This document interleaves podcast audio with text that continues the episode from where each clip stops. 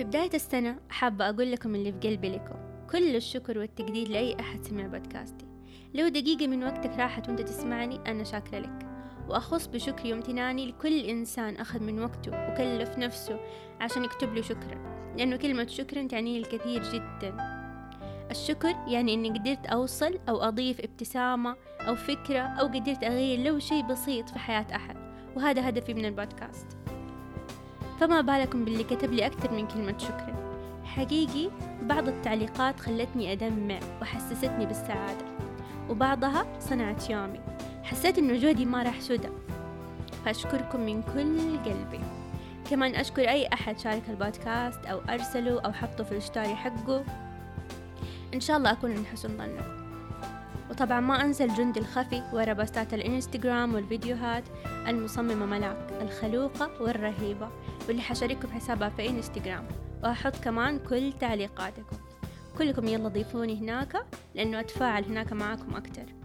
اكتبوا بودكاست جرعات إيجابية أو positive doses podcast. هيطلع لكم على طول. وفي الأخير أنا فخورة إنه خلال السنة اللي راحت أكثر من 16 ألف استماع للبودكاست من كل مكان في العالم العربي. مستمعيني في أنغامي ومتابعيني من مصر والمغرب والسودان سوريا وغيرهم الكثير. سعيدة بمتابعتكم لي وإن بودكاستي حصل على إعجابكم. مستمعيني كمان في أبل آيتونز برنامج بودكاست ساوند كلاود وكمان مؤخرا أضفت البودكاست في سبوتيفاي وديزر. وحشارككم كل الإحصائيات على الإنستغرام أيضا. شكرا مرة أخيرة وما عليكم من صوت شوية تعبانة بس ما حبيت أخر عنكم الحلقة. وسوري إذا طولت عليكم ويلا نخش في الحلقة.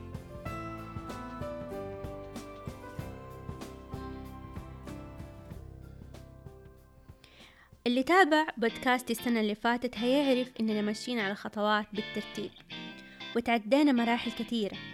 بداية بإنه عرفت إنك لازم تتميز وإيش هي مقومات النجاح اللي لازم تتوفر فيك عشان تتميز. أبحثت في رحلة داخل نفسك. وحليت مشاكلك الداخلية. وبعدين بدينا نطلع على برا شوية وحاولت تكتشف شغفك وتطلع من نطاق راحتك وتحتوي التغيير وتتقبله عشان تنطلق في الحياة وتنجز وتتطور. وفعلا بدأت تتغير وتنجز وتلتزم. لكن السؤال هل تحس إنه أنت قد ما قاعد تنجز من أشياء برضو تحس نفسك تايه؟ إذا إيوه أنا أقول لك السبب. السبب إنه أنت ما عندك رؤية لحياتك وقاعد تمشي بعشوائية بحتة صح قاعد تسوي أشياء جديدة صح قاعد تنجز في يومك بس قاعد تحس إنه في شي ناقص بس ما أنت عارف إيش هو. هو رؤية لحياتك اللي أنت بتحلم فيها. أغلب الناس يتجاهلوا يكتبوا رؤية لأنهم يقولوا لنفسهم إنه ليش أخطط وأحلم لشيء بعيد وكبير؟ وبدل لما ما يتحقق أتحطم ليش أكتب شيء مستحيل يحصل؟ وأنا تعمدت أخلي توقيت الحلقة في بداية السنة الجديدة عشان أنا عارفة إنه الكل متحمس للسنة الجديدة والكل متحمس للتغيير. عشان كده أبغاكم تبدأوا السنة صح.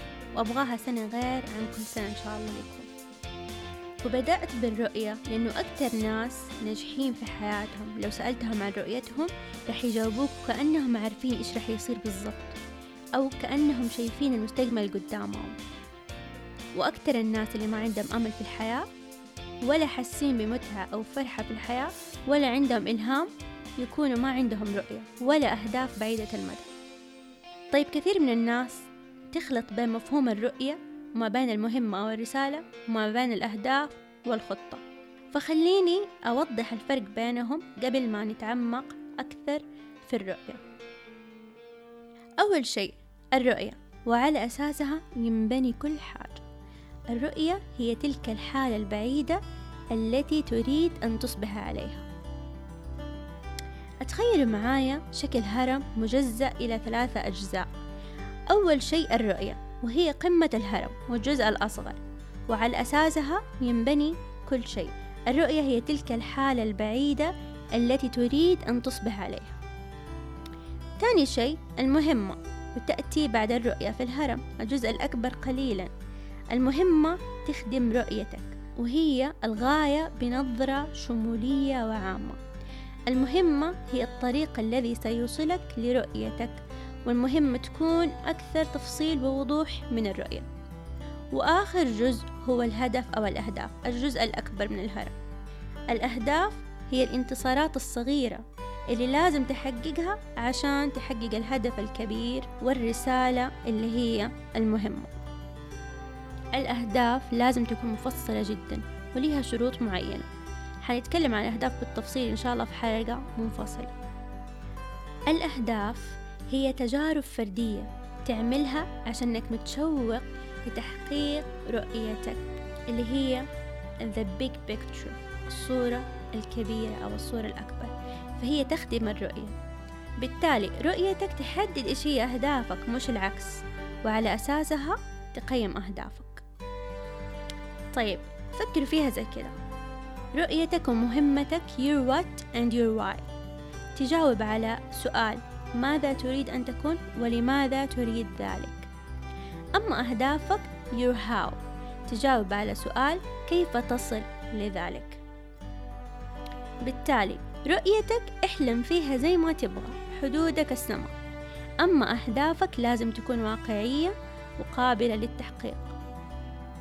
طيب كيف أوصل لرؤيتي الحالمة بأهدافي الواقعية؟ هنا أقول لك عشان كده لازم تعمل خطة طويلة المدى وهذه حنتكلم عنها في حلقة تانية برضو إن شاء الله. طيب نوضح الموضوع أكتر شوية. لما تلعب كرة سلة السلة الدائرية اللي ترمي فيها الكرة هي المهمة وعلى أساسها تنحسب النقاط لما تلعب كرة قدم المرمى اللي ترمي فيه الكورة هو المهم وعلى أساسه تنحسب الأهداف صحيح؟ تحس ما له فايدة تلعب لعبة بدون هدف معين أو مهمة معينة وخطة لعب على أساسها تمشي كمان أي منظمة أو مؤسسة سواء تعليمية صحية شركات whatever. لازم يكون لها رؤية ومهمة وأهداف ولا ما حيكون لها أي معنى تماما. ولازم يكون لها خطط تمشي عليها واضحة عشان تنجح. طيب نقول لكم أمثلة عشان توصل المعلومة أسرع. مثلا أنا السعودية رؤيتي أن أصبح مركز الشرق الأوسط. مهمتي أن أوفر البنية التحتية اللازمة وحاضنات التكنولوجيا والمشاريع وأن تصبح دولة متطورة من كل النواحي. أهدافي إنشاء خمسة مطارات تحسين جودة الكيبلات البحرية وما إلى ذلك. شايفين؟ هنا أنا حددت إيش هي الرؤية إيش هي المهمة بكلمات أكثر تفصيل شوية إيش هي الأهداف بتفصيل ممل حتى بالأرقام خمسة مطارات. شايفين كيف المهمة أكثر تفصيل ووضوح من الرؤية؟ والأهداف مفصلة تفصيل دقيق بالأرقام والخطط قصيرة المدى. طيب ناخذ مثال آخر. رؤية كوكاكولا. عبارة بسيطة جدا. Refresh the world. إنعاش العالم. لكن كيف حتوصل إحساس الإنتعاش للعالم؟ هنا تأتي الأهداف لتحقق الرؤية. طب مثال تاني على المهمات شركة سوني مهمتهم أن تجرب متعة تطبيق التكنولوجيا لخدمة الصالح العام. شركة والمارت أن تعطي الناس العاديين فرصة لشراء نفس الأشياء التي يشتريها الناس الأغنياء. بس قبل ما نعرف كيف نكتب لنفسنا رؤية لازم نعرف ليش لازم يكون عندنا رؤية وليش ضرورية. زي ما عودتكم في كل شيء لازم أقول لكم السبب أول وأقنعكم فيه قبل ما إنه أنتوا تسووا. لخصتها في ثلاثة نقاط أساسية. النقطة الأولى فكر برؤيتك كخريطة لطريقك في الحياة. لما تروح رحلة لو عندك خريطة هتختصر على نفسك وقت وجهد وتعب أنت في غنى عنه. أما لو ما عندك رح تتوه وتتعب وتدوخ على بال ما توصل. وهذا إذا وصلت من أساسه. رؤيتك اللي حتكتبها رح تمثل لك الطريق اللي حتمشي عليه وتحدد لك اختياراتك في الحياة. فكر فيها كأنها الضوء اللي في وسط الظلام اللي حينور لك دربك. تاني نقطة لما يكون عندك رؤية واضحة تسهل لك متى تقول إيوة ومتى تقول لأ عشان ده غالبا اللي يضيع طاقة الناس وفلوسهم ووقتهم وما يوصلوا لشيء. ما يعرفوا يقولوا لأ ونستاهل إنهم يتشتتوا أو يفقدوا الحماسة لما ما تكون عندهم رؤية واضحة. فبالتالي الرؤية حتساعدهم يرفضوا أي شيء ممكن يبعدهم عن طريقهم. مثلا من ضمن رؤيتك إنه تصير عازف جيتار محترف.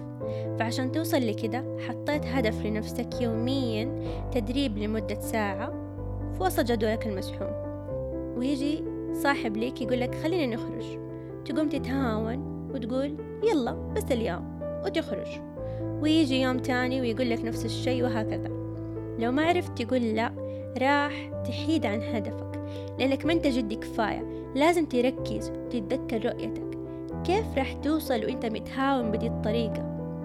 فتقدر مثلا تعتذر وتقول له في الويكند نخرج أنا مشغولة الآن.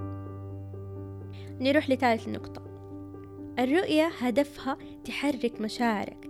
تلهمك توصل لك شعور النشوة وكأنه شيء حاصل لا محالة تخليك مركز على اليوم ومتحمس لبكرة في نفس الوقت.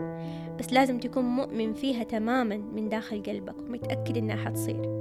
لما تتذكرها تحس إنه قلبك يرقص يرقص يرقص على قولة ناصر القصبي. لما تكتبها حتتذكر كلامي وتضحك. Vision doesn't eliminate distraction. It inspires us to focus on what matters. يعني إيه؟ يعني الرؤية ما راح تمنع عنك الملهيات هي فقط راح تلهمك إنه تركز على الشيء المهم بالنسبة لك كمان الحقيقة المرة هي إنه لو ما كان لك رؤيتك الخاصة أنت كده حتسمح للظروف والأشخاص إنهم يوجهوا مسار حياتك خليك متأكد إذا ما كان عندك خطة لحياتك حتكون جزء من خطة أحد تاني طبعا إحنا ما نبغى كده صح ولا لأ؟ بعد ما عرفنا ليش لازم يكون عندنا رؤية رح نعرف كيف نكتبها وإيش هي شروطها وليش أغلبنا يواجه صعوبة في كتابة رؤيته. وهذا كله حيكون في الحلقة الجاية إن شاء الله. ونختم حلقة اليوم بمقولة أوبرا Create the highest, grandest vision possible for your life because you become what you believe.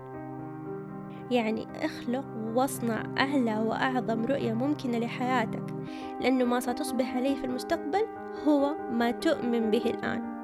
وكانت معاكم إيمان قاضي من بودكاست جرعات إيجابية. وعلى السنة الجديدة نغير وبدل stay tuned نقول لكم استنوني في الحلقة الجاية. واللي تذكر بابا فرحان هاي فايف أنت من جيل الطيبين.